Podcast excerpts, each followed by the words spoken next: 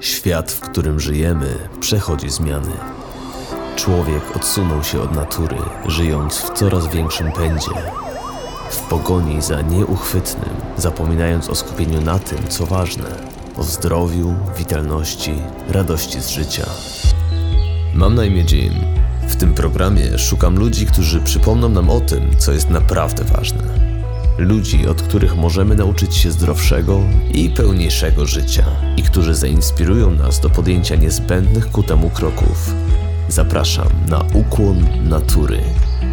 Dzisiejszy program powstaje we współpracy z marką Yango.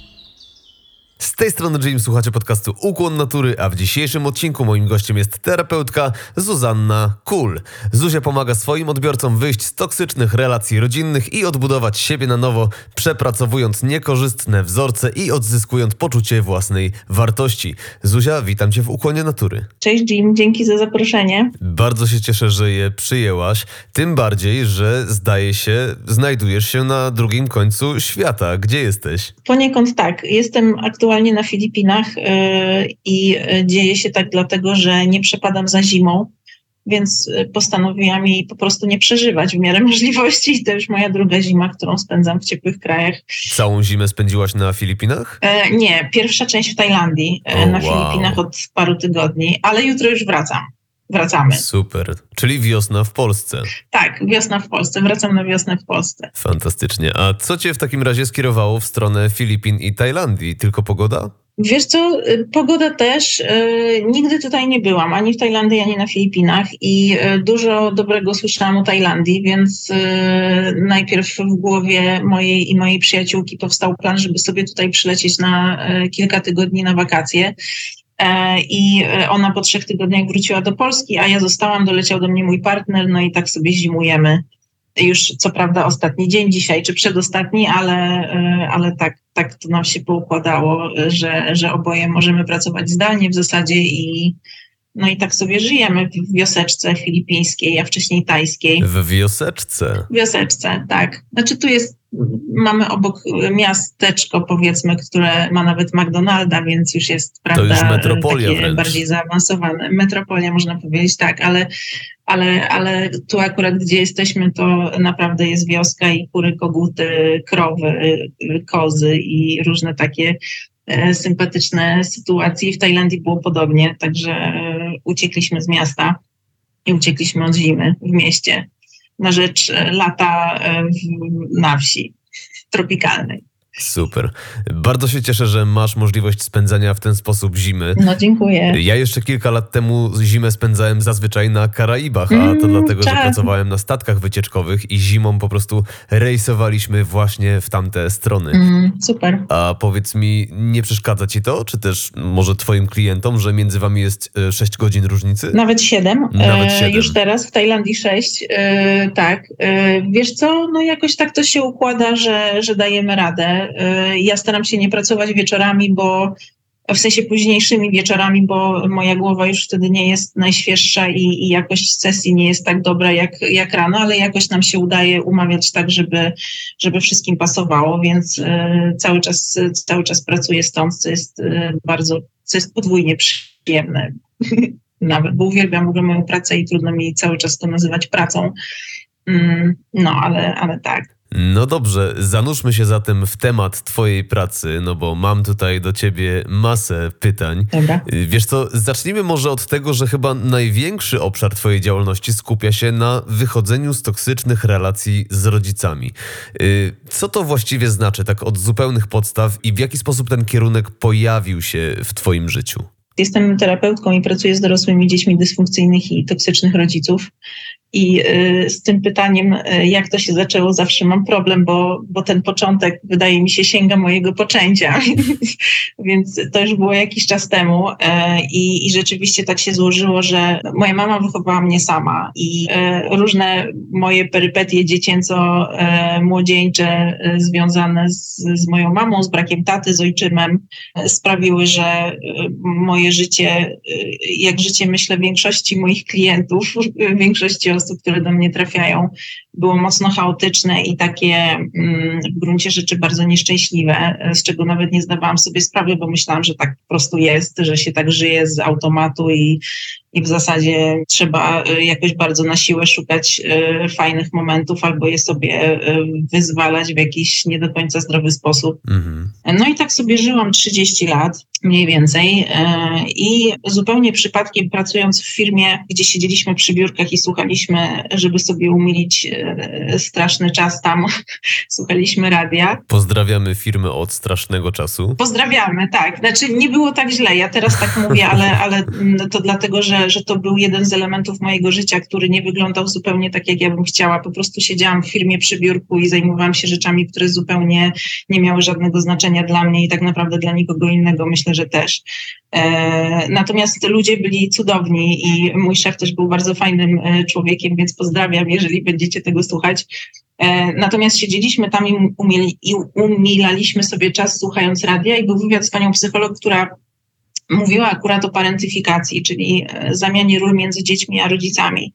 To, to jest taka sytuacja, w której e, dzieci przejmują część obowiązków rodziców, zajmują się młodszym rodzeństwem albo zajmują się emocjonalną y, stroną rodziców też często, jakby są takim emocjonalnym wsparciem dla rodziców i ja nagle w tym wywiadzie i, i w tym haśle rozpoznałam siebie i swoją sytuację.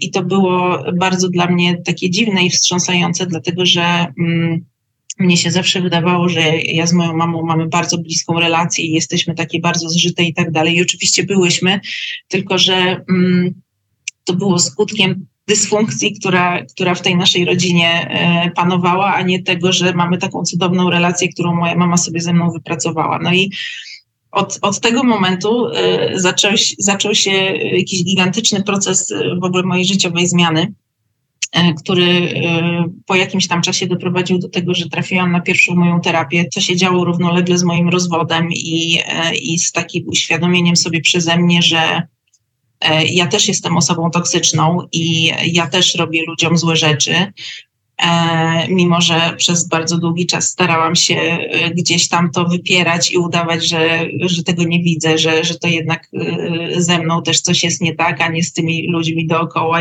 albo z moimi byłymi partnerami i tak dalej.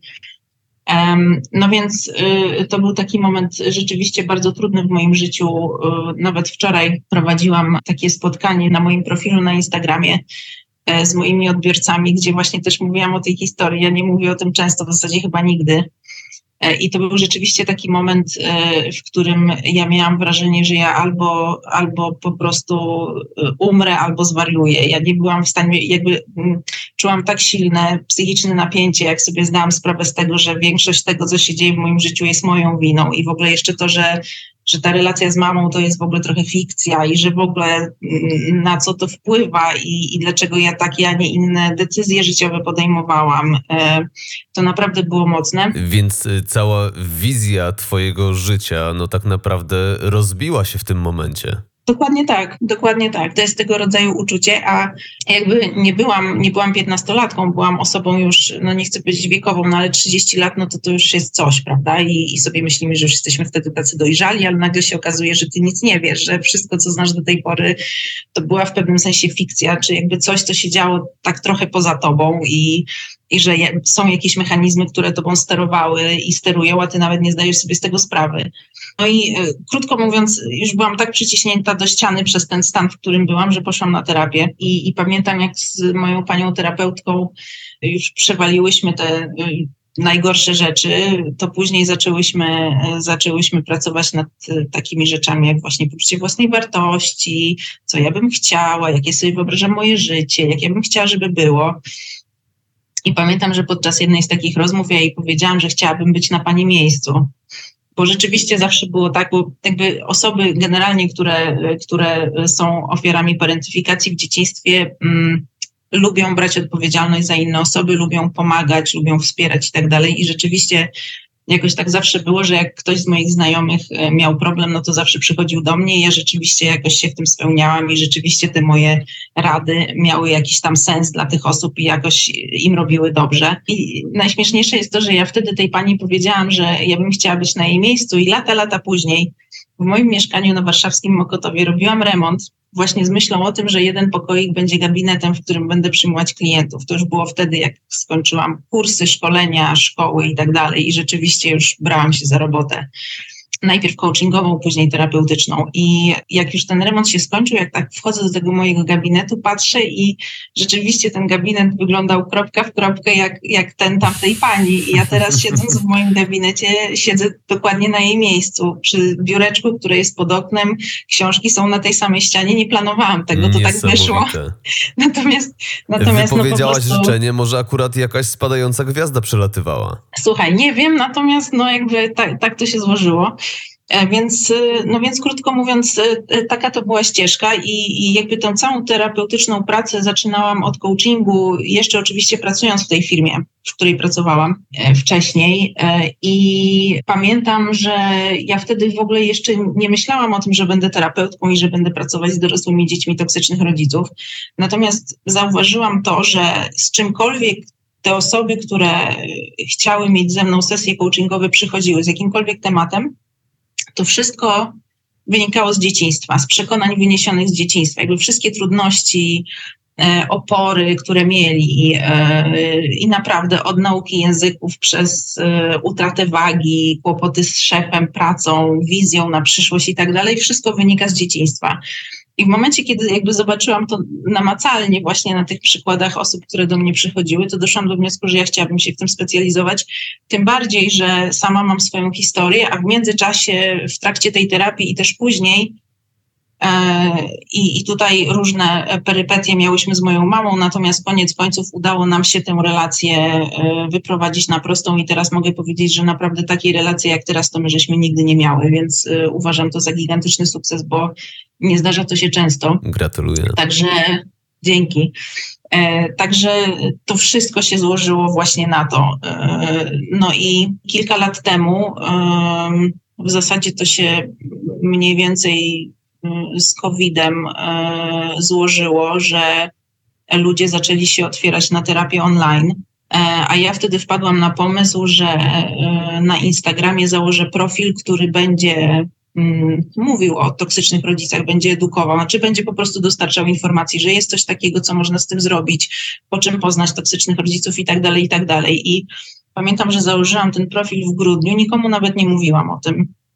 No i z miesiąc później już nagle miałam tam, nie wiem, chyba z półtora tysiąca obserwatorów. E, zaczęły się do mnie zgłaszać e, różne osoby, dziewczyny, głównie, które chciały ze mną robić e, jakieś tam nagrywki w tym temacie i no i tak to się rozwinęło, że kilka miesięcy później rzuciłam pracę, której nie lubiłam i tak to się wszystko rozwinęło. Ale historia. Z życia wzięta. I teraz jesteś na Filipinach. Tak jest. I rozmawiam z tobą i mamy o tym wywiad. Tak, robisz to, co lubisz i mówisz o tym.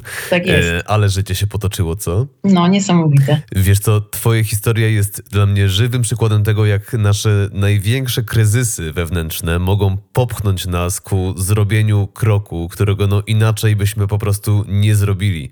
E, mówi się też zresztą, że dopóki człowiek nie znajduje się pod ścianą, dopóki wszystko wszystkie inne opcje się nie wyczerpią, no to nie wprowadzi y, takiej prawdziwej, poważnej zmiany w życiu. Tak, często tak jest i y, rzeczywiście to jest też taka, y, powiedzmy, prawda, którą powtarzam dla otuchy moim klientom, bo mm, naprawdę mm, w momencie, kiedy jest nam niewygodnie albo bardzo niewygodnie, to ta niewygoda jest dla nas, to nie jest przeciwko nam, tylko to jest dla nas, bo, bo to jest jak każde, każda emocja, która jest trudna, to jest dla nas informacja, że coś się dzieje i że coś się dzieje nie tak jak trzeba, nie tak jak ty byś chciał czy chciała. Um, i, I naprawdę te wszystkie trudne rzeczy, które nas spotykają, są, są dla nas, tylko właśnie warto, warto je y, odpowiednio wcześnie przeczytać, jakby przeczytać tę informację, odebrać ją jakby i, i właśnie wykorzystać do tego, żeby rzeczywiście wziąć odpowiedzialność za siebie i, i zrobić coś z tym, co, co tak nas uwiera. Mhm. Y, wiesz to, kiedy opowiadałaś mi swoją historię, nasunęła mi się też myśl, że w trakcie tej naszej pracy nad sobą w kontekście rodziców, y, zapewne w którymś momencie nadchodzi moment konfrontacji i wydaje mi się, że może być on niezwykle trudny. Bardzo. Y, powiedz mi, jak wówczas mogą reagować na to tacy rodzice? Jak zareagowała twoja mama na przykład? No wiesz, u mnie to było tak, że, znaczy w ogóle trochę teorii w plotę, bo wydaje mi się to tutaj konieczne. Jak wychowujemy się w dysfunkcyjnym domu, to my nie mamy pojęcia, że ten dom jest dysfunkcyjny. E, dzieciom zawsze wydaje się, że to, co się dzieje w domu jest, jest ok, ponieważ to pochodzi od rodziców, więc musi być ok. Jakby dziecko nie jest w stanie psychi- nie byłoby w stanie psychicznie znieść takiej myśli, że rodzic działa wbrew niemu. Więc e, rodzica zawsze stawia na piedestale i ewentualnie sobie umniejsza i jakby bierze odpowiedzialność za to, co się dzieje na siebie, myśląc sobie, oczywiście to jest na bardzo nieświadomym poziomie, natomiast e, dzieciak sobie koduje, że e, no skoro mama albo tata tak się zachowują, to znaczy, że ze mną jest coś nie tak. No więc krótko mówiąc, ja tak sobie e, byłam e, i w tym domu, i, i później w relacji z moją mamą, e, i wydawało mi się, że, że, że to jest okej. Okay. I jak się dowiedziałam, że nie jest, i zaczęłam wokół tego tematu chodzić, to akurat nie zdarza się to często, ale ja miałam to szczęście, że ten mechanizm parentyfikacji w momencie, kiedy ja go odkryłam, zaczęłam o nim czytać, czyli zyskałam świadomość na ten temat, to on automatycznie stracił swoją całą moc. Jak ja odkryłam, o co tutaj chodzi, to ja od razu no, z najcudowniejszej córki pod słońcem, która zawsze wspiera, zawsze pomaga i po prostu jest na każde zawołanie, stałam się zupełnie odsunięta.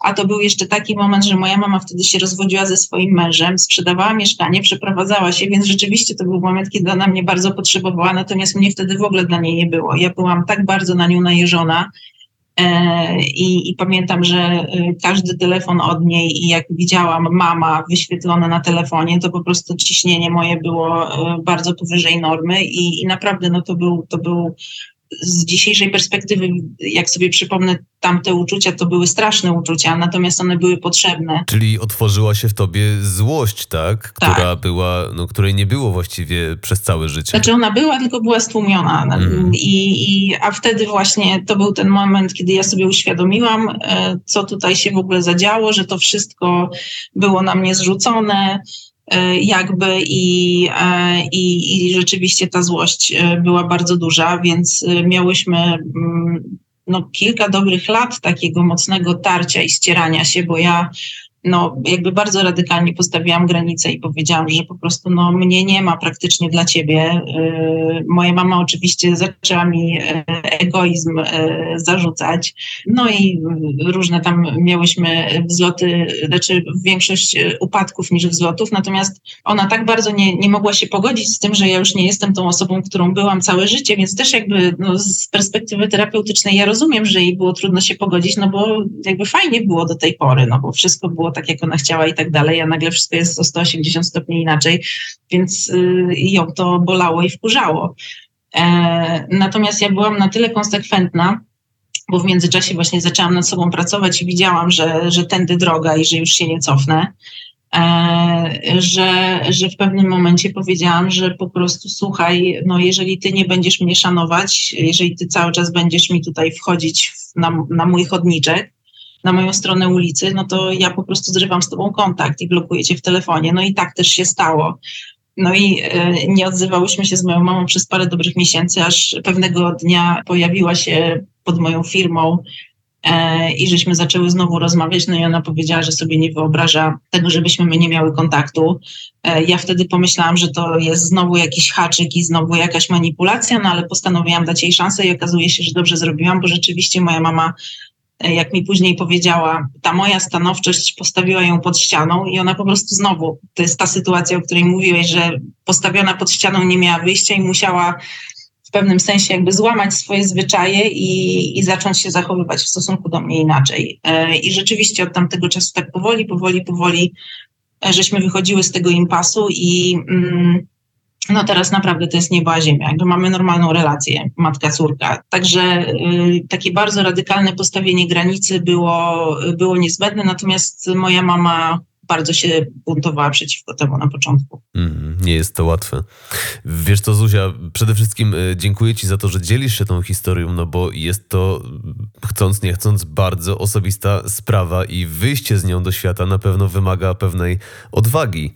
Ale myślę też, że no może dzięki temu, że opowiadasz o tym wszystkim, ktoś, kto siedzi właśnie w swojej pracy i słucha nas dla umilenia sobie czasu, y, tak samo jak Ty jeszcze kilka lat temu, będzie mógł utożsamić się z pewnymi aspektami Twojej historii, no i być może zainspiruje go to do wykonania pewnych kroków w swoim życiu. Tak, tak, mam nadzieję. I, i w ogóle jeszcze to, co e, niesamowicie w tym, co robię, jest dla mnie satysfakcjonujące, to to, że dostaję mnóstwo wiadomości naprawdę codziennie od, od osób, które kiedyś były tam, gdzie ja byłam, kiedy przez przypadek słuchałam tamtego wywiadu że, że ludziom zaczynają się otwierać oczy, a to jest naprawdę ten moment, kiedy właśnie się przebudzasz i kiedy się okazuje, że żyjesz w pewnego rodzaju matriksie e, i nagle ktoś ci dał e, tabletkę i ty widzisz nagle wszystko prawdziwie, nazwijmy to, tak jak rzeczywiście jest i, i przestajesz żyć w iluzji. To jest e, niesamowicie uwalniające, jeżeli wtedy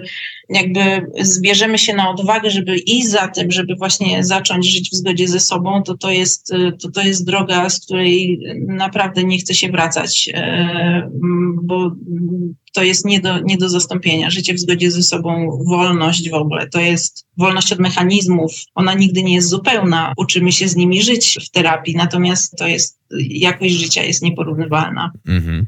Y, pewne mechanizmy są też nam y, potrzebne do życia, prawda? No Jasne. bo przecież ile energii zużywalibyśmy, gdybyśmy chcieli robić wszystko 100% y, świadomie. Mhm.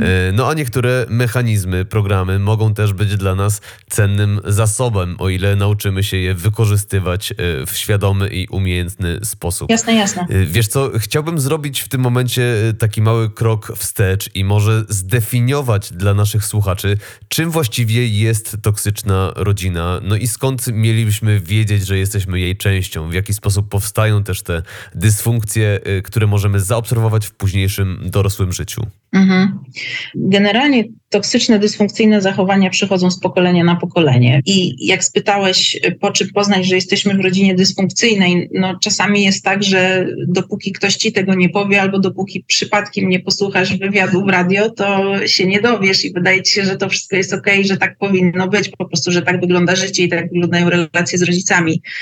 Natomiast nawet jeżeli jesteś yy, nieświadomy tego, że coś się dzieje nie tak i że to, co się dzieje wokół ciebie w twojej rodzinie, to jest dysfunkcja, to yy, w dysfunkcyjnej rodzinie i w dysfunkcyjnym domu, nawet jak już jesteś dorosły i z niego wychodzisz, to właśnie zostajesz z mechanizmami, psychologicznymi, które sprawiają, że żyje ci się źle, że nie jesteś w stanie wchodzić w relacje e, prawdziwe, że na przykład e, ciągle wiążesz się z podobnym typem osób, że już ci się wydaje, że ta osoba będzie zupełnie inna, natomiast okazuje się, że jest dokładnie taka sama jak poprzednie i przypadkiem jest dokładnie E, taka sama jak twoja, twoja mama lub twój tata dysfunkcyjny. To, że y, na przykład y, w pracy jesteś zazwyczaj w roli ofiary albo y, i tutaj też dotykamy pewnego niuansu, o którym może powiem, że generalnie wychodząc z dysfunkcyjnego domu mamy mocno zaniżone poczucie własnej wartości, bo jak jesteśmy dziećmi, to rodzice nie są skupieni na nas, tylko są skupieni na dysfunkcji, która w tym domu występuje. To może być alkoholizm, to może być choroba psychiczna któregoś z rodziców, to może być choroba po prostu któregoś z rodziców, nieobecność z rodzica fizyczna albo emocjonalna. I dziecko to interpretuje tak, że no, jakby rodzica nie ma dla mnie, to znaczy, że ze mną jest coś nie tak. No, że ja rodzic... jestem nieważny. Tak, ja jestem, ja jestem nieważna, ja jestem nie taka jak trzeba, ja się za mało staram, e, bo dziecko nigdy nie będzie winiło rodzica. Rodzic musi być, musi zostać na piedestale, więc dziecko wini siebie. No i teraz żeby sobie poradzić z tym niskim poczuciem wartości wyniesionym z domu, my wchodzimy w jedną z dwóch postaw, albo w taką pozycję dominującą, e, przemocową, narcystyczną, i będąc w tej pozycji, osoby mają takie mniemanie, o sobie i o świecie, że ja jestem ok, natomiast wszyscy inni są nie ok. Albo przeciwnie, wchodzimy w pozycję podporządkowaną, gdzie myślimy bardzo źle o sobie. Ja jestem nie ok, ja się nie liczę, ja jestem nieważna, moje potrzeby są nieważne, ja powinnam się na wszystko zgadzać, ja nie powinnam stawiać granic, bo inni są ważniejsi niż ja. I w zależności od tego, w której z tych pozycji jesteśmy, albo która jest dominująca w naszej postawie wobec świata, to różnie doświadczamy świata. Natomiast i, I ta pozycja i ta jest dysfunkcyjna. W tej pozycji dominującej czujemy, że zawsze musimy być agresorem, że zawsze musimy kontrolować to, co się dzieje, że musimy pociągać za sznurki, że musimy manipulować ludźmi, rozgrywać, żeby, żeby było dla nas ok. E, I to ma służyć poczuciu kontroli, dzięki czemu, no, jeżeli ja kontroluję to, co się dzieje, jeżeli ja kontroluję innych ludzi, to ci inni ludzie nie są w stanie mnie zranić, tak jak w dzieciństwie zranili mnie rodzice, kiedy ja w ogóle nie miałam kontroli. Natomiast w pozycji e, podporządkowanej, e, głównym naszym, no nie głównym, bo tych problemów jest mnóstwo, ale jakby takim motywem przewodnim jest to, że no skoro my jesteśmy w pozycji podporządkowanej, czyli w pozycji ofiary, no to zawsze się znajdzie jakiś oprawca, który będzie e, właśnie swoją przemoc e, na nas w jakiś sposób przekładał. Wywierał. Wywierał, dokładnie. I... Czyli my jakby no, interpretujemy całą rzeczywistość, tak? Przez te nasze filtry. Dokładnie Czyli tak. tutaj jestem dominujący, żeby świat mnie nie skrzywdził, więc kontroluję ile się da, a z drugiej strony jestem ofiarą, więc wszędzie wokół siebie widzę oprawców. Dokładnie tak. I jakby przyciągamy te osoby i zazwyczaj kończymy w relacjach z, to, z, tym, z tą komplementarną dysfunkcją, czyli e, osoby podporządkowane zazwyczaj z dominującymi e, e, kończą w relacjach i odwrotnie. I to nie jest przypadek. Więc żeby, żeby jakby się zorientować, że coś z naszym dzieciństwem było nie tak i było ono dysfunkcyjne, no to właśnie przypatrzmy się naszemu życiu tu i teraz. Jeżeli jest w nim chaos, e, jakby czujemy, że nie mamy na nie żadnego wpływu, że wszystko się dzieje jakby poza nami, albo odwrotnie, e, druga skrajność, że po prostu musimy wszystko kontrolować, nie, nie pozwalamy sobie tak naprawdę na autentyczne wejście w relacje, no bo E, bo ja tu muszę dominować i, i po prostu cisnąć e, innych ludzi, dopiero wtedy czuję się spokojnie w miarę, no to, to znaczy, że coś jest nie tak. I w jednej i w drugiej e, z tych postaw jest nam niewygodnie, po prostu źle nam się żyje wtedy. Więc wydaje mi się, że jakość życia powinna być takim, takim pierwszym sygnałem, który nam mówi, że coś jest nie tak, bo nie musi tak życie wyglądać, że, że jest ciągłą męką i jakąś, jakimś zestawem gierek z innymi ludźmi. Mhm. Wiesz co, kiedy myślę o terapii czy tych procesach, procesach z dysfunkcyjną rodziną i toksycznymi rodzicami, no to pierwsze, co mi przychodzi do głowy, to właśnie ta relacja z rodzicem. A tutaj mówisz o tym, jak to się może przełożyć na bardzo wiele innych e, obszarów życia, które pozornie wcale nie są z tym rodzicem związane. Dzieciństwo to jest nasz fundament. Jakby to co, to, co przeżywaliśmy w dzieciństwie, ma przełożenie na wszystko. Tak jak słusznie powiedziałeś e, i celnie bardzo, to jest filtr, przez który my patrzymy na świat nic nie ma na nas takiego wpływu jak dzieciństwo. My jakby jesteśmy czystą kartą plus minus w momencie, kiedy się rodzimy i te pierwsze lata naszego życia do powiedzmy 20 roku życia, chociaż oczywiście im, im wcześniej po urodzeniu, tym większy wpływ to na nas wszystko ma. E, to są decydujące lata w naszym rozwoju psychicznym i e, mnóstwo, mnóstwo od tego zależy. A mogłabyś wymienić takie obszary, na które ma to wpływ? Skłonność do chorób, skłonność do depresji, skłonność do samobójstw, e, skłonność do y, popadania w nałogi. No te syndromy DDA, czyli dorosłe dzieci alkoholików, albo DDD, dorosłe dzieci z rodzin dysfunkcyjnych, to jest zespół cech, które nabywamy y, żyjąc w dysfunkcyjnej rodzinie, czyli właśnie nie mamy poczucia własnej wartości, nie potrafimy stawiać granic, nie potrafimy radzić sobie z emocjami.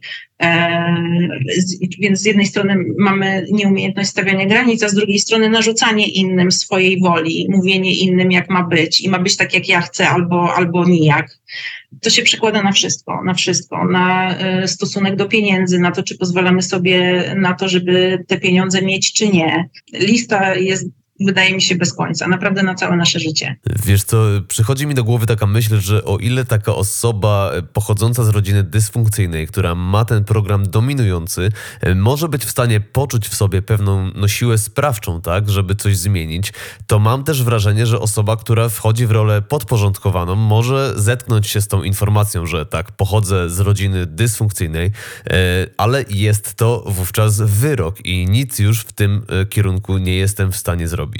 Część osób na pewno zostaje w pozycji ofiary, no bo umówmy się, to też jest wygodne, nie muszę brać odpowiedzialności. Te wszystkie rzeczy mi się przydarzają. Jest mi w życiu niewygodnie, ale z drugiej strony dzieciństwo i wychowanie to jest 50%. Ja powiedziałam, że to wpływa na całe nasze życie, bo oczywiście wpływa, natomiast wychowanie to jest 50% tego, kim jesteśmy, natomiast 50% to są nasze geny i nasza natura. I my się już rodzimy z pewnym temperamentem. I są osoby, które będą chciały to e, przerwać i przełamać i rzeczywiście wziąć e, to, co się dzieje w naszym życiu na klatę i coś z tym zrobić, a będzie część osób, która po prostu się jakby będzie dalej z tym płynęła, no bo tak jest wygodnie. Jakby to jest to zło, które już znam jest wygodniejsze niż jakaś tam niewiadoma i jakby przymus nagle stawiania granic, podejmowania pewnych decyzji, robienia jakichś kroków, które czasami są radykalne, jeżeli już w tej całej dysfunkcji żeśmy się zagalopowali tak daleko, że już mamy rodzinę, e, dzieci i po prostu kredyt na mieszkanie z kimś, z kim nie chcemy być. Natomiast no jakby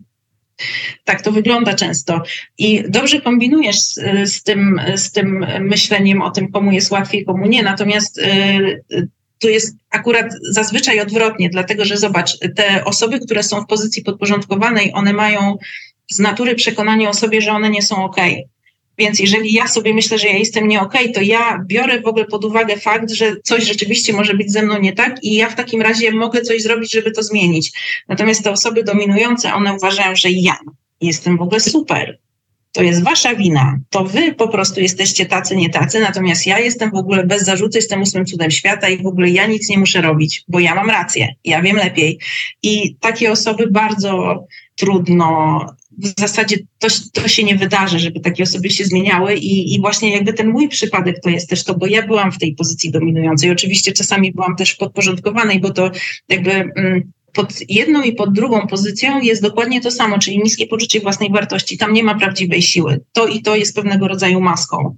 I jeżeli my trafimy na osobę, która rzeczywiście jest silna wewnętrznie albo która jest wyżej y, od nas w jakiejś tam hierarchii, to my z tej, e, my nawet będąc zazwyczaj w tej pozycji dominującej, pod taką osobą, e, przy takiej osobie, która ma rzeczywiście jakąś siłę czy przewagę nad nami, wchodzimy w pozycję podporządkowaną. Więc tak też się zdarza. Natomiast no, to jest, to była moja historia i właśnie stąd w ogóle to gigantyczne napięcie psychiczne, którego ja już nie mogłam znieść i, i które zmusiło mnie koniec końców do tego wszystkiego, o czym już mówiłam. Ale naprawdę jakby wychodzenie z tej pozycji dominującej jest praktycznie niemożliwe.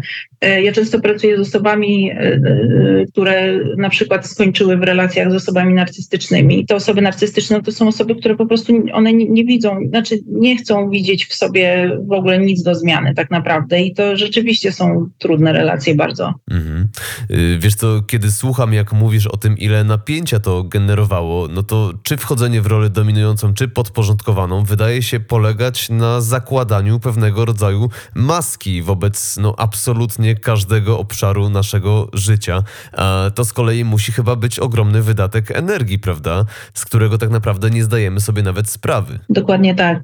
Tak, no to, to są maski, to jest pewnego rodzaju gra, e, bo te osoby dominujące ogólnie rzecz biorąc e, przemocą uzyskują poczucie bezpieczeństwa, a te osoby podporządkowane właśnie podporządkowaniem, czyli taka osoba myśli sobie, jak ja się będę na wszystko zgadzać, jak ja nie będę stawiać granic, to już nigdy nie spotka mnie to, co spotkało mnie w dzieciństwie, ale oczywiście spotyka nas dokładnie to samo. Tylko, że tym razem to my to powodujemy. Jeżeli, jeżeli właśnie mamy na tyle, na tyle tej iskierki jeszcze w sobie, e, żeby, żeby po prostu wziąć za siebie, znaczy po prostu, to nie jest proste, ale wziąć za siebie odpowiedzialność. Jakby to jest klucz. Czy ja chcę dalej, e, nawet już mając świadomość tego, że, że moje dzieciństwo było dysfunkcyjne, czy ja dalej chcę jechać na tej historii, że moi rodzice byli tacy straszni, ja jestem taką biedną ofiarą tego, bo oczywiście jesteś i to jest bardzo ważny element procesu terapeutycznego, żeby to przyznać i w ogóle zobaczyć i nazwać rzeczy po imieniu i zobaczyć, siebie jako ofiary rodziców, a rodziców jako oprawców niestety, no bo często tak jest. E, znaczy zawsze tak jest w tych, w tych relacjach, które, nad którymi ja e, z osobami, które do mnie przychodzą, pracuję. Natomiast e, później my decydujemy, czy my chcemy robić krok dalej i brać odpowiedzialność za to, co się dzieje od teraz w przyszłość, czy też cały czas będziemy pływać na tym, że jesteśmy tacy biedni, nieszczęśliwi, skrzywdzeni i właśnie no, w zasadzie to e, powinno nam się należeć współczucie i, i taryfa ulgowa. Są też takie osoby i tutaj bez mojej oceny e, jakby każda droga jest dobra, w tym sensie, że nie wszyscy są gotowi na to, żeby, żeby pracować nad e, nad sobą i to też należy uszanować. Natomiast z takimi osobami niestety w relacje prawdziwą nie wejdziemy, no bo właśnie mamy do czynienia z jakąś maską. Nie jest to prawdziwe, bo nie mamy właściwie dostępu do tej osoby, tak? Bo tak. jedyne z czym mamy styczność to ta wypracowana przez lata fasada. Dokładnie tak. Dobrze. Y, ciekawi mnie, jak wygląda cały ten proces wychodzenia z takiej toksycznej relacji z rodzicami, czy też wychodzenia z nabytych przez to programów. Y, mówisz, że jednym z kroków jest tutaj zobaczenie oprawców w rodzicach, co wiesz, myślę, że samo w sobie nie jest łatwe, bo tutaj możemy znowu wrócić do Twojego przykładu, y, w którym, jak mówiłaś, y, w Twoim własnym mniemaniu miałaś świetną relację z mamą i nagle, żeby zobaczyć w tej mamie oprawcę, no to też musi być przecież ogromny krok, ogromna zmiana paradygmatu. Jak wygląda takie wychodzenie z tego wszystkiego? E, to jest trudne, natomiast to, co ułatwia cały ten proces, to jest to, że no jak już raz zobaczysz prawdę, to ta prawda rzeczywiście ciebie wyzwala. Bo wiesz, no wychodząc z dysfunkcyjnego domu myślisz, że to z tobą jest coś nie tak. Że no ja miałam na przykład takie poczucie, że ja jestem po prostu złym człowiekiem. Mhm. To, to był mój program i mój filtr. Ja tak podświadomie o sobie myślałam. I w momencie, kiedy poszłam na tę pierwszą terapię i ta pani mi powiedziała, no tak, no ale ty się zachowywałaś tak dlatego, że twoja mama to, a twój tata tamto, a twój ojczym siamto i ty po prostu, no nie mając świadomości, po prostu w tym byłaś, no to to, to zdjęło ze mnie 80% ciężaru, który miałam na sobie przez całe moje życie tak naprawdę. I to jest ultra uwalniające, kiedy nagle zdajesz sobie sprawę, że kurde, coś było na rzeczy i jakby to nie ze mną jest nie, coś nie tak, że, że ja to tak czułam, tylko rzeczywiście coś było nie tak i to było na mnie wrzucone mm, jakby i ja teraz mogę się z tego uwolnić. Więc y, to, to jest trudne, ale, ale zarazem jakby właśnie idąc tą drogą prawdy, my mamy dużo, no po prostu zyskujemy poczucie życia w zgodzie ze sobą, że ja w końcu mogę przestać udawać kogoś i, i po prostu mogę zacząć być sobą i czy w ogóle uczyć się bycia sobą, patrzeć, kto tam jest pod tymi wszystkimi e, maskami i tymi pokoleniowymi e, bagażami, które, które były nam e, przekazane. Natomiast no, mm, ta praca wiąże się generalnie z czymś, co się nazywa przeżywanie żałoby po stracie. Zawsze jak coś tracimy, to, to przeżywamy żałobę po tym i tak samo jest, jak sobie uświadamiamy, że nasze życie, jakie znaliśmy do tej pory, to była pewnego rodzaju fikcja, w której my żeśmy żyli i my też to musimy opłakać. To, że tak myśleliśmy, to, że y, ten wyidealizowany rodzic jednak nie jest ideałem, tylko jest taki, taki i taki, i że tak naprawdę nasza relacja nie jest fajna, tylko jest beznadziejna i tak naprawdę jej nie ma. To jest grube i, i mocne i ciężkie. E, natomiast e, jakby ten proces przeżywania żałoby po stracie ma różne fazy i one są e, no, nieprzyjemne, każda jedna na swój sposób, natomiast koniec końców dochodzimy do czegoś, co się nazywa akceptacja. I, i ta akceptacja nie jest akceptacją tego, że moje życie tak, tak ma wyglądać, jak wyglądało do tej pory, i ja mam akceptować te toksyczne zachowania osób w moim otoczeniu, moich rodziców, czy tam osób, które w moim życiu zaczęły się pojawiać, jak już byłam dorosła. Jakby pamiętajmy, że w dorosłym życiu powielamy w pewnym sensie relacje z rodzicami za każdym razem. I y, dochodzimy do akceptacji tego, że jest tak, jak jest, czyli zaczynamy widzieć rzeczywistość taką, jaka jest, oczywiście w miarę możliwości, i zaczynamy ją akceptować, czyli zaczynamy akceptować to, że no tak, to, to e, moja mama jest taką osobą, ona potrafi się tak zachować, ona w ten sposób do mnie mówi, na przykład, to jest akurat nie z mojego życia, ale powiedzmy, E, więc skoro tak, no to e, skoro moja mama tylko, czy tam mój tata tylko mnie krytykuje, to ja przestanę już do niego dzwonić i mu się zwierzać z moich problemów i mówić mu o moich planach, bo ja wiem, że to nie da tego rezultatu, którego ja szukam, tylko będę cały czas słyszała to, co do tej pory słyszałam, to się magicznie nie zmieni, tylko dlatego, że ja bym chciała, żeby to się zmieniło. Oni tacy są. I, i ta akceptacja przynosi bardzo duże uwolnienie, chociaż oczywiście jeżeli mm, powiem to takimi słowami, że jeżeli no, nie mamy takiego szczęścia, jakie ja miałam, że rzeczywiście y, tą relację z moją mamą nam się jakoś tam udało odbudować, to często relacje z rodzicami po prostu są ucinane, no i żyjemy sobie dalej, nie mając kontaktu z rodzicem. To jest trudne, to nie jest łatwe. Natomiast yy, naprawdę przypadki i historie, jakie słyszałam na sesjach od osób, które do mnie przychodzą, nie wymyśliłbyś tego. Znaczy nie wiem, jaką ty masz historię, ale jakby gdybyś to włożył do filmu to i obejrzał ten film, to byś pomyślał, przesadzili w ogóle. Natomiast historie naprawdę są różne, hardkorowe i, i ultra dziwaczne i czasami naprawdę nie ma wyjścia i trzeba ten e, kontakt zerwać e, bardzo definitywnie, nawet z wyprowadzką i po prostu ze zmianą w ogóle miejsca zamieszkania numeru telefonu. No ale, ale właśnie to, to jest trochę e, w niektórych przypadkach albo oni, albo my, albo całe życie będziemy się im podporządkowywać, bo, bo są rodzice, którzy po prostu tak uwikłali swoje dzieci w kontrolę, że te dzieci są totalnie zależne. I będąc dorosłymi ludźmi, często mając już swoje rodziny, to jest jedyne wyjście często. Mhm. Wiesz co, być może słuchają nas właśnie teraz jacyś rodzice, którzy u siebie widzą tę toksyczność, tę dysfunkcyjność, e, może są właśnie w trakcie wychowywania dziecka. Co tacy ludzie mogą zrobić, żeby to dziecko wyprowadzić na prostą i zadbać o relacje z nim już na tym etapie? Zacząć od siebie, zacząć od pracy nad sobą. Y, jeżeli, jeżeli jesteś takim rodzicem i właśnie nas słuchasz i masz jakieś podejrzenia względem siebie, E, a pamiętajcie, że dysfunkcje przechodzą z pokolenia na pokolenie, więc jeżeli twoja, twoi rodzice byli dysfunkcyjni, to ty też jesteś. Bez pracy nad sobą jesteś na bank. I siłą rzeczy przekazujesz to już w tej chwili swojemu dziecku. I, i teraz zdanie sobie z tego sprawy to jest już połowa sukcesu, a jeszcze dodatkowe 30% to jest chęć zmiany tego. E, czyli jakby przyznanie się przed sobą, że kurczę, ja czasami się zachowuję nie tak, jakbym chciał, czy chciała względem moich dzieci i chcę to zmienić. Super. E, zacznij od pracy nad sobą, e, najlepiej idź na terapię i po prostu zacznij pracować nad swoimi mechanizmami wyniesionymi z domu, bo Twoje dysfunkcyjne reakcje i zachowania względem Twoich dzieci, względem innych osób i siebie samej czy samego wynikają bezpośrednio z dzieciństwa i z tych mechanizmów. Więc jeżeli zobaczysz, jakie masz mechanizmy, bo to jest pewien katalog, to są powtarzalne rzeczy. My naprawdę jak pracuję z ludźmi, już miałam, nie wiem, setki, tysiące godzin e, sesji pracy i drugie tyle warsztatów, to e, nasze historie są bardzo, bardzo podobne i różnią się szczegółami tak naprawdę. I, i tych mechanizmów jest pewien katalog i to jest bardzo łatwe do wyłapania dla kogoś, kto, kto się tym zajmuje. I naprawdę bardzo szybko się okazuje, że nie musisz tego ciężaru nieść sam sama, E, tylko może ktoś ci w tym pomóc. I e, rzeczywiście różnymi narzędziami pracując, ja akurat głównie pracuję taką metodą, która się nazywa praca z wewnętrznym dzieckiem. E, to jest najbardziej moim zdaniem skuteczna metoda, która, która bazuje właśnie na emocjach, bo my z emocjami mamy problem wychodząc z toksycznego domu, bo nikt nas nie nauczył.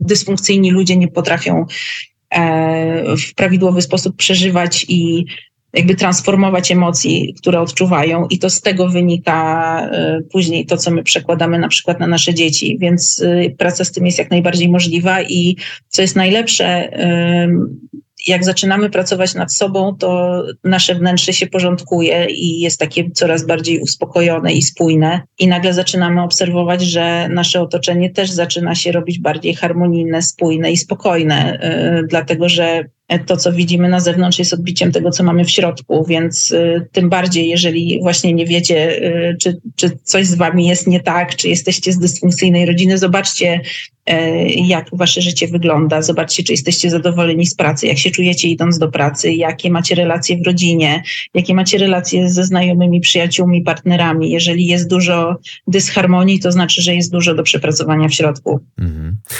Zainteresowało mnie to, co właśnie przed chwilą powiedziałaś na temat transformowania emocji.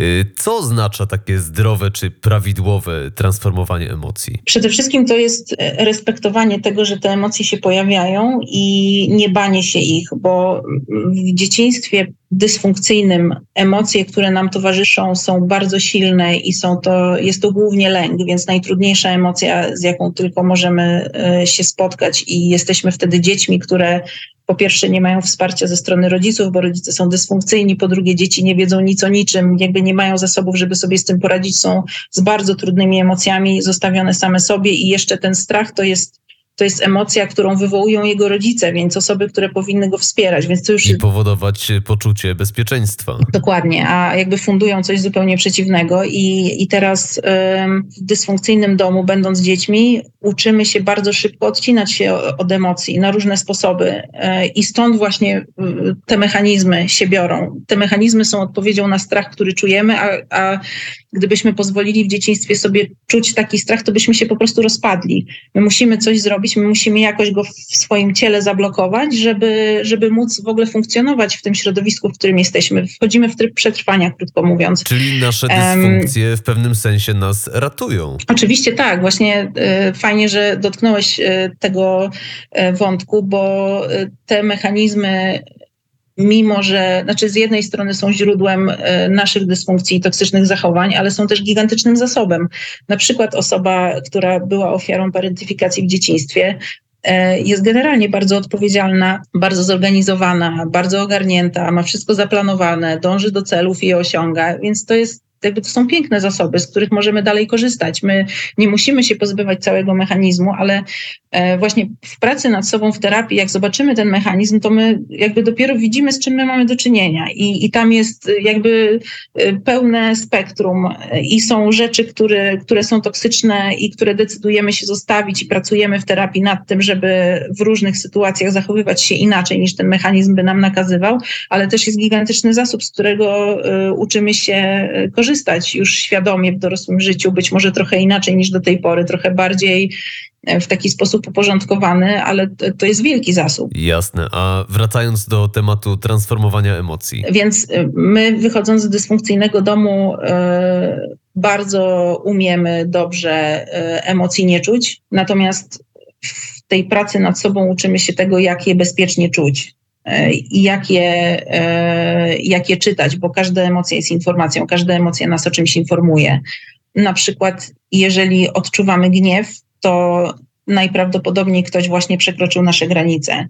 Więc e, skoro ktoś przekracza moje granice, to ja w takim razie e, być może chciałabym coś z tym zrobić. Natomiast są osoby, które w ogóle nie mają dostępu do swojego gniewu i, i którym na przykład gniew się uruchamia dopiero wtedy, kiedy E, w dorosłym życiu mają już dzieci i te dzieci robią nie tak, jak my byśmy chcieli i, i nagle po prostu jest wielki wybuch wulkanu, dlatego że dzieciak tam się zastanawia, którą skarpetkę nałożyć, na którą stopę, a my nagle po prostu dajemy upust gniewowi, który się w nas... Kumulował e, przez całe życie. Tak i właśnie jakby stąd ta praca nad emocjami, nad rozpoznawaniem tego i... Czyli tutaj um, musimy w pewien sposób zaopiekować się tym wszystkim, co jest w nas już od dzieciństwa. Generalnie każdy z nas Y, ma w sobie dwie części. Y, jedna część to, to jesteśmy my dorośli, to są takie osoby wyważone, które myślą logicznie, które skupiają się na faktach, które tak dosyć trzeźwo patrzą na świat i y, mało emocjonalnie.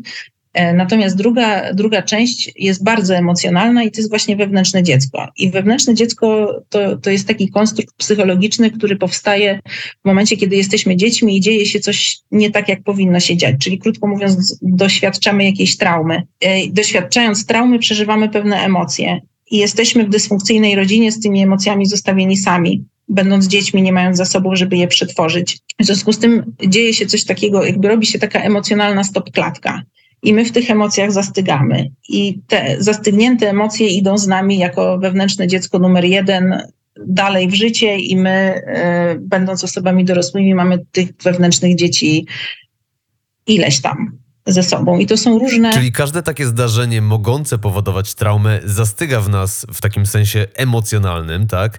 I my później co? Musimy w procesie terapeutycznym odwoływać się do każdej takiej stopklatki z osobna? Trochę tak, natomiast nie musimy, nie musimy do każdej, bo generalnie jak, jak zaczynamy pracować z wewnętrznym dzieckiem, to y, emocjonalną odpowiedzią na każdą z tych traum jest y, takie poczucie które, które jest różnie nazywane przez, przez osoby, z którymi pracuję, ale generalnie y, to są słowa typu ulga, lekkość, y, zrzucenie ciężaru, miłość, radość, ciepło, bezpieczeństwo, czyli, czyli to, co czujemy, będąc bardzo blisko z rodzicem, jak jesteśmy dzieckiem.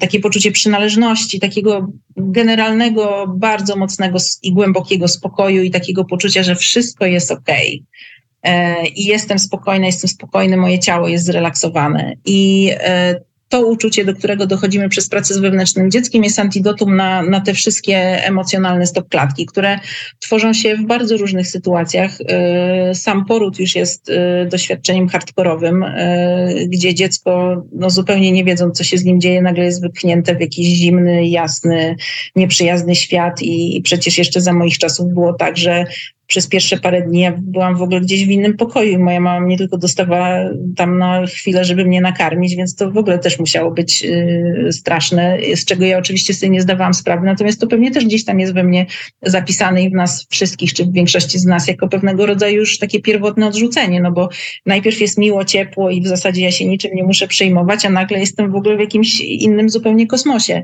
Później odstawienie od piersi też jest kolejną traumą y, i, i jakby sam widzisz, że że to niekoniecznie musimy być wychowani w dysfunkcyjnej i toksycznej rodzinie, gdzie ojciec pije, leje i tam nie wiadomo co robi, przysłowiowy ojciec. E, tylko jakby te takie naturalne e, przejścia z jednej fazy rozwoju dziecka do drugiej już pewnego rodzaju są traumą.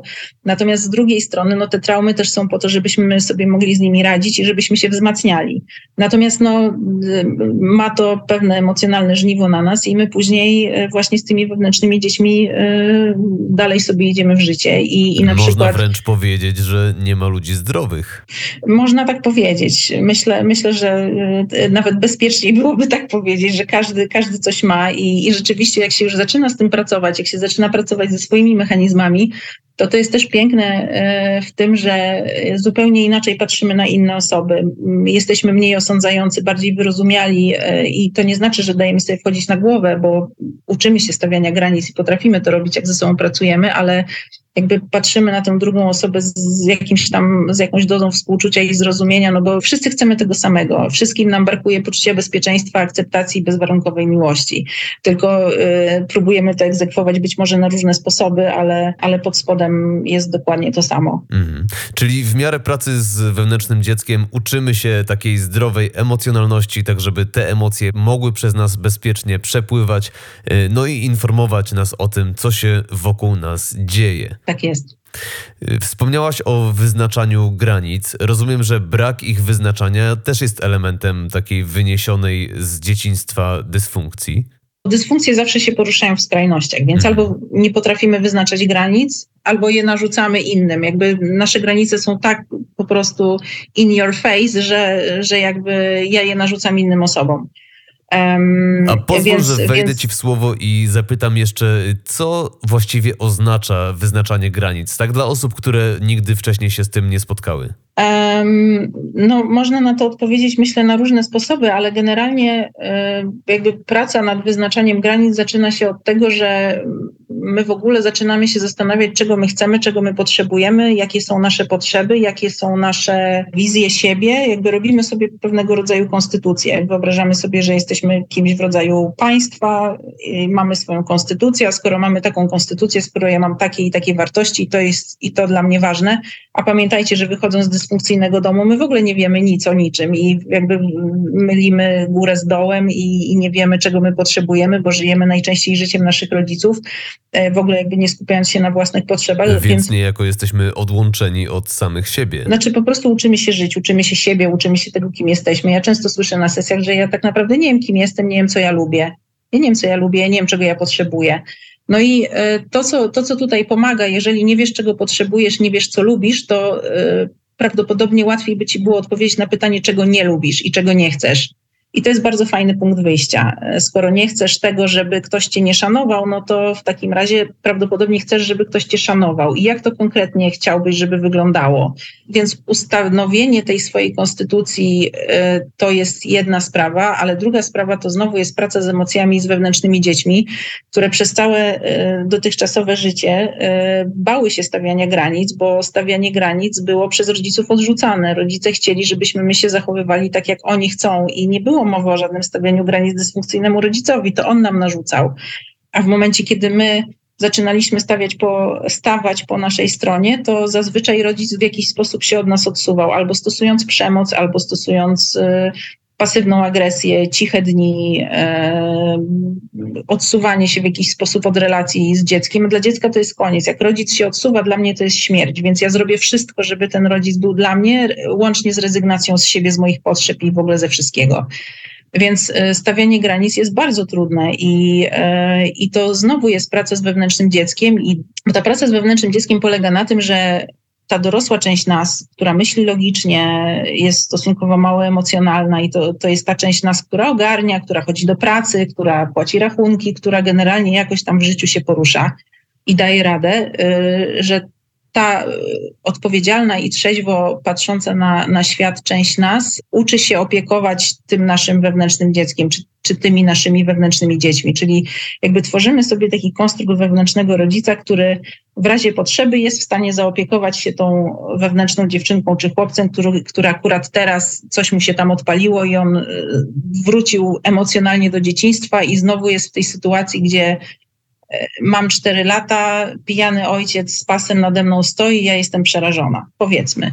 I w momencie, kiedy, kiedy uczymy się być rodzicem dla naszego wewnętrznego dziecka, jesteśmy w stanie uspokoić te trudne, emocje strachu związanego z wyznaczaniem granic i rzeczywiście jesteśmy w stanie tę granicę postawić, bo kiedy wewnętrzne dziecko przejmuje nad nami kontrolę, to my zupełnie jakby tracimy kontakt z, z logiczną częścią nas. My w ogóle jakby odłącza nas od y, płatu czołowego, czyli od tej części mózgu, która jest y, odpowiedzialna za podejmowanie decyzji, za logiczne myślenie. My jesteśmy wtedy totalnie w naszym gadzim mózgu, który jest po prostu strachem. Mm, jest tylko i wyłącznie walka o przetrwanie. Dokładnie tak. I my wtedy jesteśmy y, zupełnie zanurzeni w emocjach i wtedy nigdy nie podejmiemy dobrej decyzji.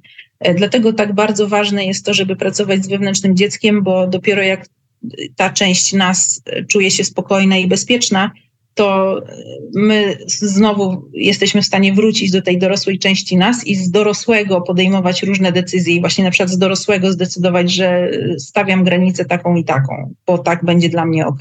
Czyli taka praca z wewnętrznym dzieckiem, jak rozumiem, jest stworzeniem też takiego konstruktu osoby dorosłej w nas, która zaopiekuje się, czyli wejdzie w zdrową relację z tym dzieckiem, z tym chłopcem, z tą dziewczynką. Tak, dokładnie tak. To ja często mm, mówię e, do osób, z którymi pracuję, że no po prostu wyobraź sobie, że masz, jeżeli, jeżeli masz dzieci, no to masz jeszcze jedno dziecko teraz pod opieką, albo jeżeli nie masz dzieci, no to to jest twoja córeczka, albo to jest twój syn, bo, i, a jak się ma dziecko, nie mam akurat dzieci, ale poza moimi wewnętrznymi, ale jakby wyobrażam sobie, że y, to dziecko trzeba mieć cały czas na oku i trzeba trzymać je blisko, e, żeby ono czuło się bezpieczne. I to jest dokładnie tak e, z naszymi wewnętrznymi dziećmi, że jakby bardzo ważna tutaj jest uważność na to, co się z nami dzieje, uważność na sygnały płynące z ciała, bo emocje są w ciele.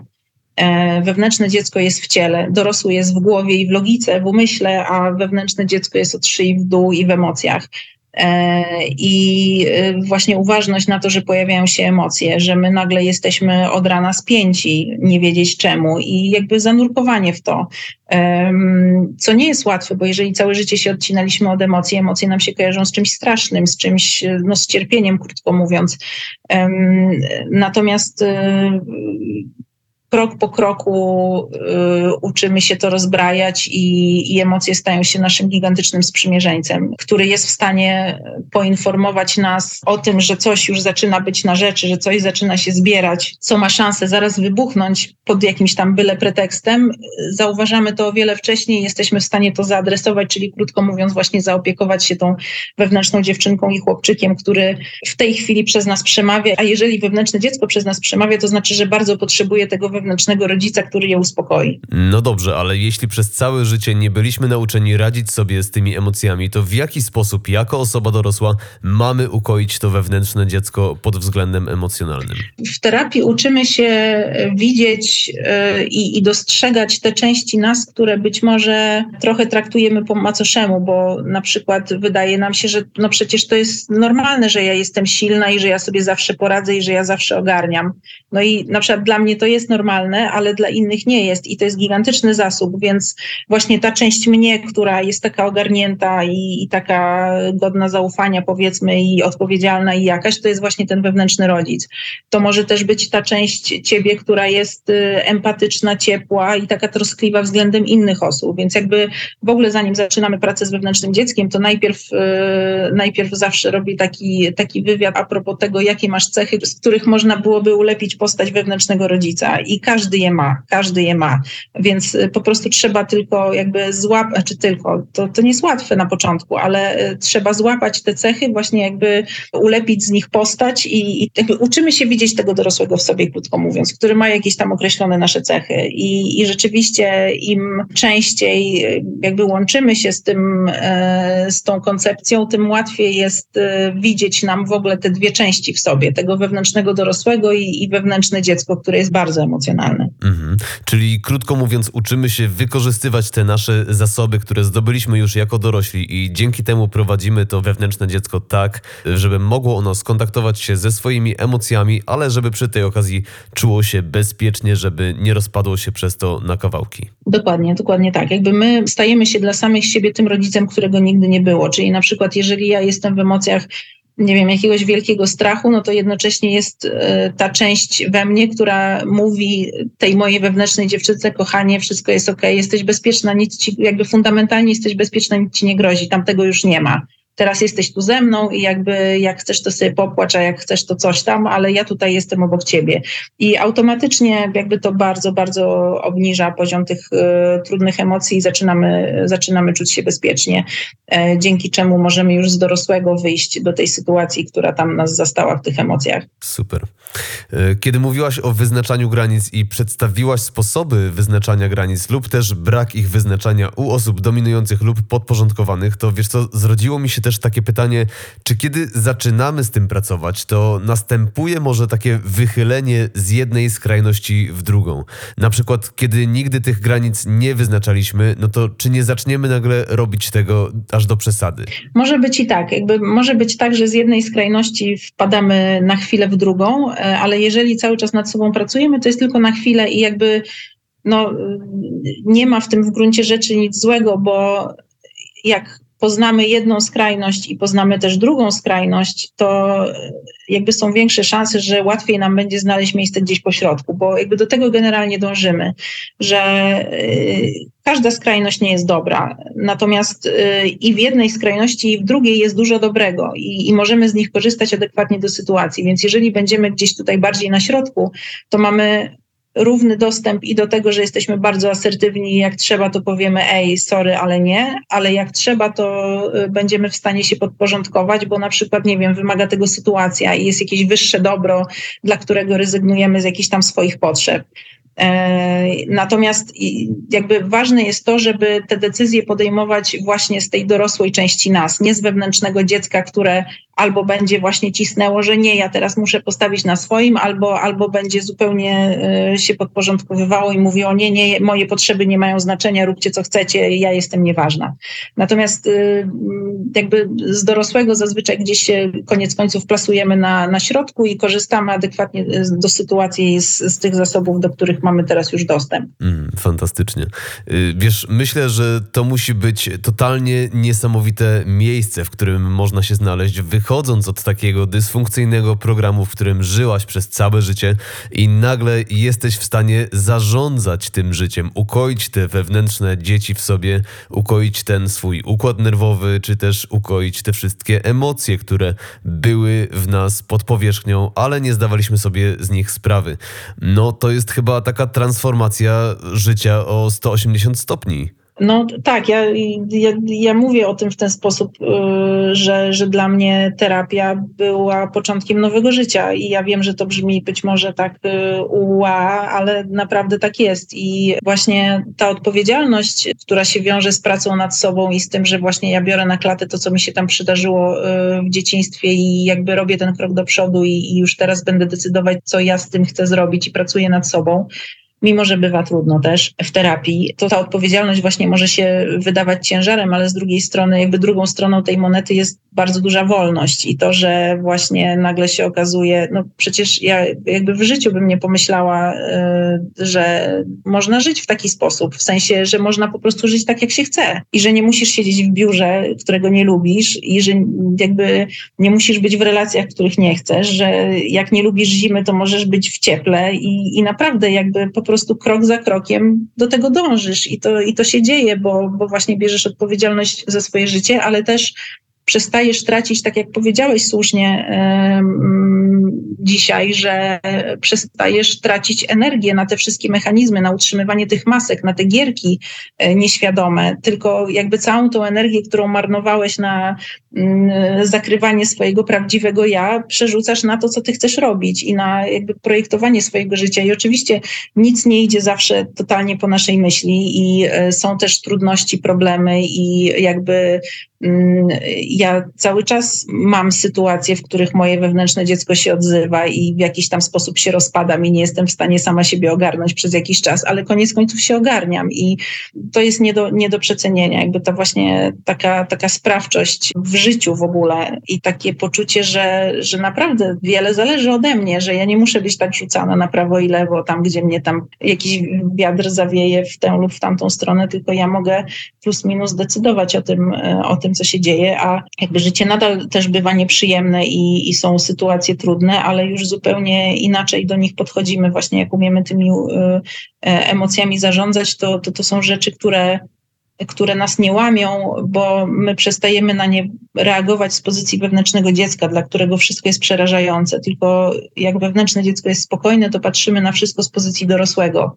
A dla dorosłego każdy problem jest y, pewnego rodzaju zadaniem do wykonania, jakby jakimś tam projektem do zrealizowania. Mam problem, aha, to co ja mogę z tym zrobić? Jakby nie załamuję się, tylko, tylko patrzę, jakie mam opcje i zaczynam działać. Więc właśnie to poczucie sprawczości sprawia, że łatwiej jest w ogóle w tych różnych mniej lub bardziej codziennych trudnościach i problemach się poruszać i z nich wychodzić. Mhm.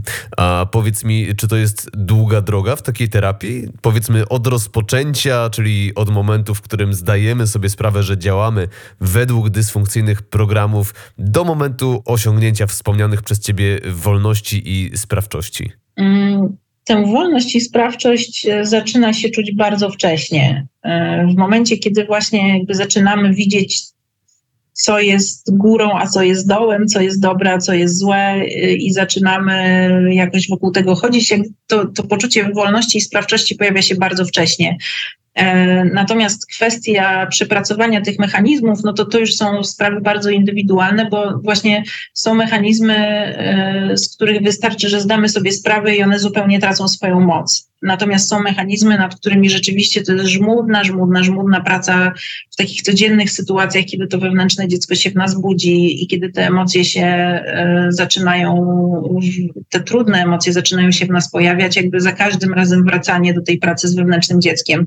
Także nie ma reguły, ale, ale rzeczywiście niektóre procesy wymagają więcej czasu i, i tu nawet powiem więcej, że to jest tak, że moim zdaniem e, terapia, jakakolwiek by nie była, ona nigdy nie sprawi, że my staniemy się osobą z wymazaną przeszłością albo, albo z zaimplementowaną nową przeszłością, w której nasi rodzice byli super i my byliśmy po prostu traktowani w 100% dokładnie tak, jak powinniśmy byli być traktowani. Tylko jakby te rany w nas są i one prawdopodobnie będą się odzywać w różnych sytuacjach do końca naszych dni. Natomiast te narzędzia, które terapia daje, pozwalają jakby żyć z tymi ranami. Znaczy po prostu żyć z tymi wewnętrznymi dziećmi, krótko mówiąc, w relacji z tymi wewnętrznymi dziećmi i mm, potrafimy sobie z tym radzić. E, I to mm, jakby im częściej uda nam się poradzić sobie z taką sytuacją na emocjonalnym poziomie, e, tym łatwiejsze to się staje. i tym rzadziej to się zaczyna przydarzać. Tym rzadziej te emocje nas spotykają, bo to wewnętrzne dziecko generalnie już jest uspokojone. Jakby ta, ta trauma troszeczkę się rozpływa troszeczkę się rozmywa. Mhm. Czyli podczas terapii my się uczymy tak naprawdę narzędzi do dalszego radzenia sobie z tym, co może się nam przydarzyć, no bo życie jest przecież nieprzewidywalne i wciąż mogą wychodzić na powierzchnię te kolejne rzeczy. Ale wiesz co, gdybyś mogła podać mi chociaż jakieś takie widełki czasowe dla osób, które być może czują opór przed pójściem na terapię, tak żeby dać tym osobom nieco poczucia bezpieczeństwa e, z okresem terapeutyzowania się, czy z tym, jak długo terapia może właściwie potrwać? Znaczy, ja zaraz odpowiem konkretniej na to pytanie, natomiast tak y, najszczerzej, jak tylko mogę powiedzieć, to, to tak naprawdę celem terapii jest stosunkowo szczęśliwe życie w zgodzie ze sobą. Tak bym to ujęła. E, I teraz, jeżeli ktoś właśnie chciałby już nigdy nie czuć trudnych emocji i po prostu już raz na zawsze sobie z czymś poradzić, no to to się najprawdopodobniej nigdy nie wydarzy. Więc jakby przestańmy, myślę, mieć taką iluzję, że właśnie uda nam się wymazać przeszłość, bo się nie uda. Dzieciństwo to jest nasz fundament, to co tam się zadziało jest w nas na zawsze. Właśnie dlatego powiedziałem, że to jest raczej uczenie się tych narzędzi. Tak, tak. Natomiast a propos właśnie tych narzędzi, ja jestem fanką e, niezależności jednostki, że tak powiem, więc e, jakby to, co ja robię, to jak tylko czuję, że mogę, to dążę do pracy z wewnętrznym dzieckiem. A praca z wewnętrznym dzieckiem daje tobie narzędzia, które możesz stosować w codziennym życiu, bo tak naprawdę sesje terapeutyczne to jest jedno. To jest jedna godzina w tygodniu, czy raz na dwa tygodnie, czy raz na miesiąc, jak tam człowiek y, sobie życzy. E, natomiast y, to, co jest najważniejsze, to to, żebyśmy my między tymi sesjami byli w stanie funkcjonować prawidłowo i, i, szczęśliwie i w wolności i jakby z poszanowaniem naszych i cudzych granic. Więc y, nie ze wszystkimi to się udaje, ale zazwyczaj na jakiejś drugiej sesji, jak nie na pierwszej, robimy pracę z wewnętrznym dzieckiem. I tak naprawdę, jak już raz przeżyjesz ten proces, masz y, piękne narzędzie, które możesz stosować kiedy tylko potrzebujesz. I tak naprawdę Często jest tak, że przychodzą do mnie osoby właśnie na sesję dwie, pracujemy z wewnętrznym dzieckiem i później się spotykamy za parę miesięcy, kiedy ta osoba e, natrafi na kolejną trudność albo zobaczy, że o kurczę, już tutaj e, z mężem mi się lepiej układa, bo ja inaczej reaguję, więc on też zaczął inaczej na mnie reagować. Z dziećmi już lepiej, ale ja teraz widzę, że ja jeszcze mam, jakby schodzimy głębiej, bo ta praca terapeutyczna to jest taka też praca jakoś ja to tak widzę jak taka spirala, która idzie coraz głębiej, głębiej, głębiej i tak naprawdę my zahaczamy ciągle o te same tematy, no bo matka, ojciec, natomiast y, jakby zdzieramy kolejne łuski cebuli. Ta pierwsza łuska jest taka najbardziej brudna i chropowata, później już są takie bardziej delikatne, że tam już potrafimy z nimi żyć, no ale skoro już wiemy, że można z tym pracować, no to pracujemy też już tak bardziej powiedzmy kosmetycznie, że tam a może bym chciała zmienić pracę, a może właśnie jak ja bym chciała w ogóle żyć i y, y, tam jakieś jeszcze bardziej takie mm, y, mm, delikatne i, i, bardziej być może zepchnięte w podświadomość mechanizmy wychodzą, które wcześniej nie wyszły, więc jakby to są, to są te rzeczy. Natomiast ta pierwsza praca z wewnętrznym dzieckiem zazwyczaj dotyka tą najważniejszą ranę, którą mamy, czyli zazwyczaj jest to rana odrzucenia, porzucenia, e, bycia nieważną, niechcianą i jakby adresowanie tego. I to, co też w tej terapii jest ważne, to, to jest właśnie jakby danie narzędzi, czyli odpowiedzialności za, za reakcję osobie, która przychodzi na terapię, że jakby to nie jest tak, że terapeuta za ciebie coś tam, tylko po prostu terapeuta pokazuje ci narzędzia, ale ty w codziennym życiu, w codziennych sytuacjach, e, które te wewnętrzne dzieci potrafią odpalać, korzystając z tych narzędzi, uczysz się jakby nowych wzorców postępowania. Mhm. Y, ty, Zuzia, zaczęłaś swoją karierę terapeutyczną od coachingu. Wyobrażam sobie, że takie zaplecze coachingowe może być naprawdę przydatne y, w prowadzeniu prowadzeniu ludzi w ten sposób, co? Tak, narzędzia coachingowe y, potrafią być bardzo pomocne, natomiast y, jakby te narzędzia coachingowe to jest coś, z czego korzystam, jak już właśnie zajmujemy się tak zwaną kosmetyką, czyli zaczynamy rzeczywiście patrzeć mocno w przyszłość, już mamy tutaj przeszłość mniej więcej zaadresowaną, już tutaj ogarniamy, e, i wtedy, I wtedy te narzędzia coachingowe jak najbardziej tak, y, bardzo się sprawdzają, natomiast narzędzia terapeutyczne są jakby biją to wszystko na głowę, bo jeżeli terapeutycznie nie zaadresujemy tego, co musi być zaadresowane, czyli dzieciństwa i spuścizny dzieciństwa, no to żadne narzędzia coachingowe nam nie pomogą, bo, bo jakby musimy odbudować fundament, czyli właśnie to poczucie własnej wartości, żeby na nim budować y, jakąś tam wizję nas, naszego życia i tak dalej. Jasne. Y Powiedz mi, prowadzisz sesje indywidualne z klientami. Y, czy osoby, które do ciebie przychodzą, one mają już świadomość całej tej pracy wewnętrznej, czy są to po prostu osoby, które no, mają jakiś kłopot w życiu, ale nie za bardzo wiedzą, jak go ugryźć, czy też stoją pod tą ścianą, wiedzą, że muszą coś zrobić, nie wiedzą co, no i trafiają w ten sposób do ciebie? Jest i tak, natomiast y, najczęściej trafiają do mnie osoby z polecenia, więc y, jakby już tam się nasłuchały od, od, moich wcześniejszych klientów o tym, jak ja pracuję i co to zmienia, więc y, jakby no muszą być w jakiś sposób w tym temacie, jeżeli do mnie trafiają. Poza tym ja w internecie często widnieję pod hasłem toksyczni rodzice, więc jeżeli ktoś zaczyna się interesować tematem toksycznych rodziców, no to w jakiś tam sposób trafia na mnie i sporo osób trafia do mnie przez mój kanał na YouTubie, gdzie ja tam wrzucam moje nagrania na różne tematy i no właśnie generalnie, jeżeli ktoś zaczyna chodzić wokół tematu toksyczni rodzice, no to to już oznacza, że jest w jakimś sensie świadomy, no bo chociażby właśnie się dowiedział, że jest coś takiego i prawdopodobnie, znaczy no, po prostu zaczyna siebie rozpoznawać w tych, w tych e, zależnościach e, i dysfunkcjach i, i postanawia coś zrobić, więc jestem w o tyle dobrej sytuacji, że trafiają do mnie osoby, które rzeczywiście chcą coś zmienić, czyli osoby, które już właśnie wzięły odpowiedzialność za siebie, więc to jest e, dwie trzecie roboty została wykonana, bo jeżeli ktoś jest zdecydowany, że chce pracować, to naprawdę to, to, to po prostu później to już idzie. Moim zdaniem ta przezwyciężenie tego wyparcia, bo, bo część osób uświadamia sobie, że coś z moim życiem i z moją relacją z rodzicami jest nie tak, natomiast decydują się to wyprzeć, bo to jest dla nich zbyt trudne i decydują się jakby pozostać w tym, jakby w tej iluzji i no, to też jest okej, okay, bo jakby jesteśmy tam w różnej gotowości na różne rzeczy. Być może ta gotowość przyjdzie kiedy indziej, a być może nigdy nie przyjdzie i do końca życia ten ktoś tak przeżyje życie dla swoich rodziców tak naprawdę.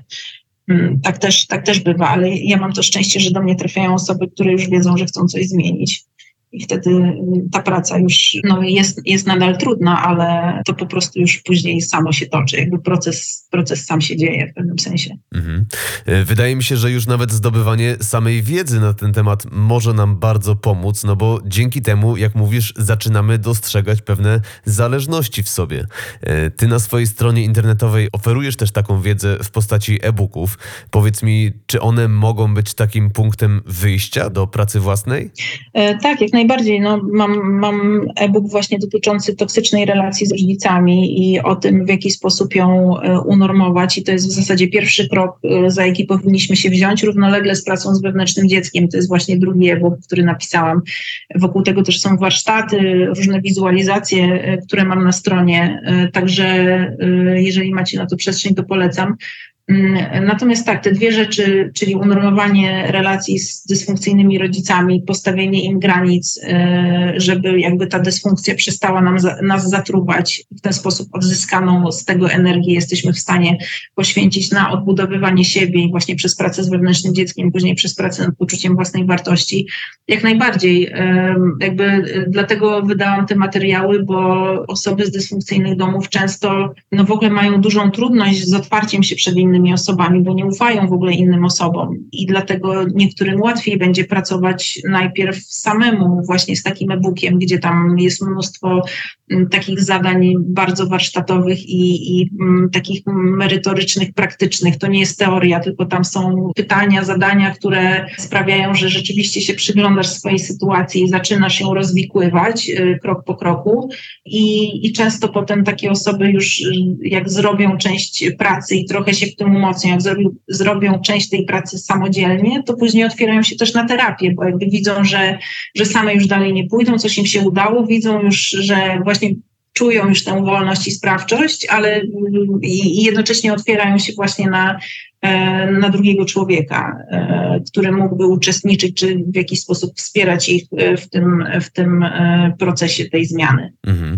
Czyli to jest y, pewnego rodzaju uzyskiwanie bezpieczeństwa w sobie, tak? Dzięki któremu będziemy w stanie dopuścić do siebie drugą osobę w postaci terapeuty, żeby no, otworzyć się na ten kolejny krok na drodze swojego zdrowienia, rozwoju i na drodze ku tej wolności i sprawczości. Tak, tak, ponieważ rozpoczynając tę pracę, my zaczynamy po prostu nad sobą pracować i zyskujemy to wszystko, co się wiąże z pracą nad sobą, czyli właśnie sprawczość, poczucie własnej wartości rośnie. y, No, zupełnie inaczej zaczynamy postrzegać i siebie, i tych rodziców. Rośnie też y, samoświadomość, prawda? A kiedy już pewne rzeczy zobaczymy na swój temat szczególnie, no to nie możemy ich odzobaczyć. Nie możemy ich odzobaczyć, natomiast właśnie jest mechanizm wyparcia, który działa wyśmienicie i, i tak naprawdę nas chroni. I więc jeżeli nie jesteśmy na coś gotowi, to nawet jeżeli coś zobaczyliśmy, to bardzo łatwo możemy sami siebie oszukać i, i udawać, że tego nie widzieliśmy. Więc jakby wyparcie, wyparcie działa, tak, ale, ale no, osoby, które wypierają do mnie nie trafiają i jakby nie, nie kontynuują tej pracy. Jeżeli jakby zaczynasz wokół tego tematu chodzić, to znaczy, że, że wyparcie jest za tobą albo, albo jakby nie dotknęło ciebie akurat tutaj, więc korzystajmy z tego. Super, korzystajmy z tego. Y, Zuzia, bardzo Ci dziękuję za tę arcyciekawą rozmowę. Y, No tyle mądrości, wiedzy, perspektywy. Powiem Ci, że dla mnie osobiście to była też ważna wiedza, no bo sam w ostatnich miesiącach zacząłem zajmować się tematem dysfunkcji w mojej rodzinie i pracą z wewnętrznym dzieckiem, pracą nad odzyskiwaniem własnej sprawczości i wolności. Y, No i jest to cały czas praca trwająca, ale widzę w tym ogromną wartość i widzę też ogromną wartość w tym, co ty robisz, co przekazujesz i z całego serca ci za to dziękuję. No ja też Tobie dziękuję i gratuluję tej drogi, to piękne, bardzo, bardzo fajnie, cieszę się i cieszę się też e, na to, czego jeszcze będziesz doświadczał, e, o czym jeszcze pewnie nie wiesz, ale co przed Tobą teraz się będzie otwierało, to piękne, no fajnie. Dziękuję ci. Na sam koniec mam do ciebie jeszcze jedno ostatnie pytanie, które zadaję wszystkim moim gościom. Ukłon natury to przede wszystkim wiedza na temat zdrowszego i pełniejszego życia, dlatego chciałbym, abyś biorąc pod uwagę całą swoją perspektywę i doświadczenie, przekazała naszym słuchaczom trzy praktyczne wskazówki, dzięki którym ty sama żyjesz lepiej, zdrowiej i pełniej. Po pierwsze, podejrzewam, spędzajcie zimę w ciepłych krajach.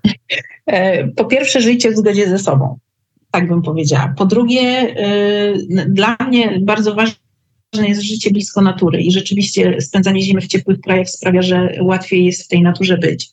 E, Bo to jest coś, co e, taką harmonię i uziemienie wprowadza mocno w moje życie i bardzo mi pomaga w różnych sytuacjach. A po trzecie, relacje, takie prawdziwe, głębokie relacje e, z drugim człowiekiem, bez w miarę możliwości masek i mechanizmów, tylko takie z taką naprawdę otwartością i współczuciem i zrozumieniem dla siebie i dla drugiej osoby. To jest chyba moja recepta. Czyli bycie blisko siebie, bycie blisko natury, bycie blisko innych ludzi, czyli relacje. No właściwie dużo tu bliskości. Tak, tak, bycie w bliskości i ze sobą, i, ze światem, i z innymi. Dokładnie, dobrze powiedziałeś. Fantastycznie.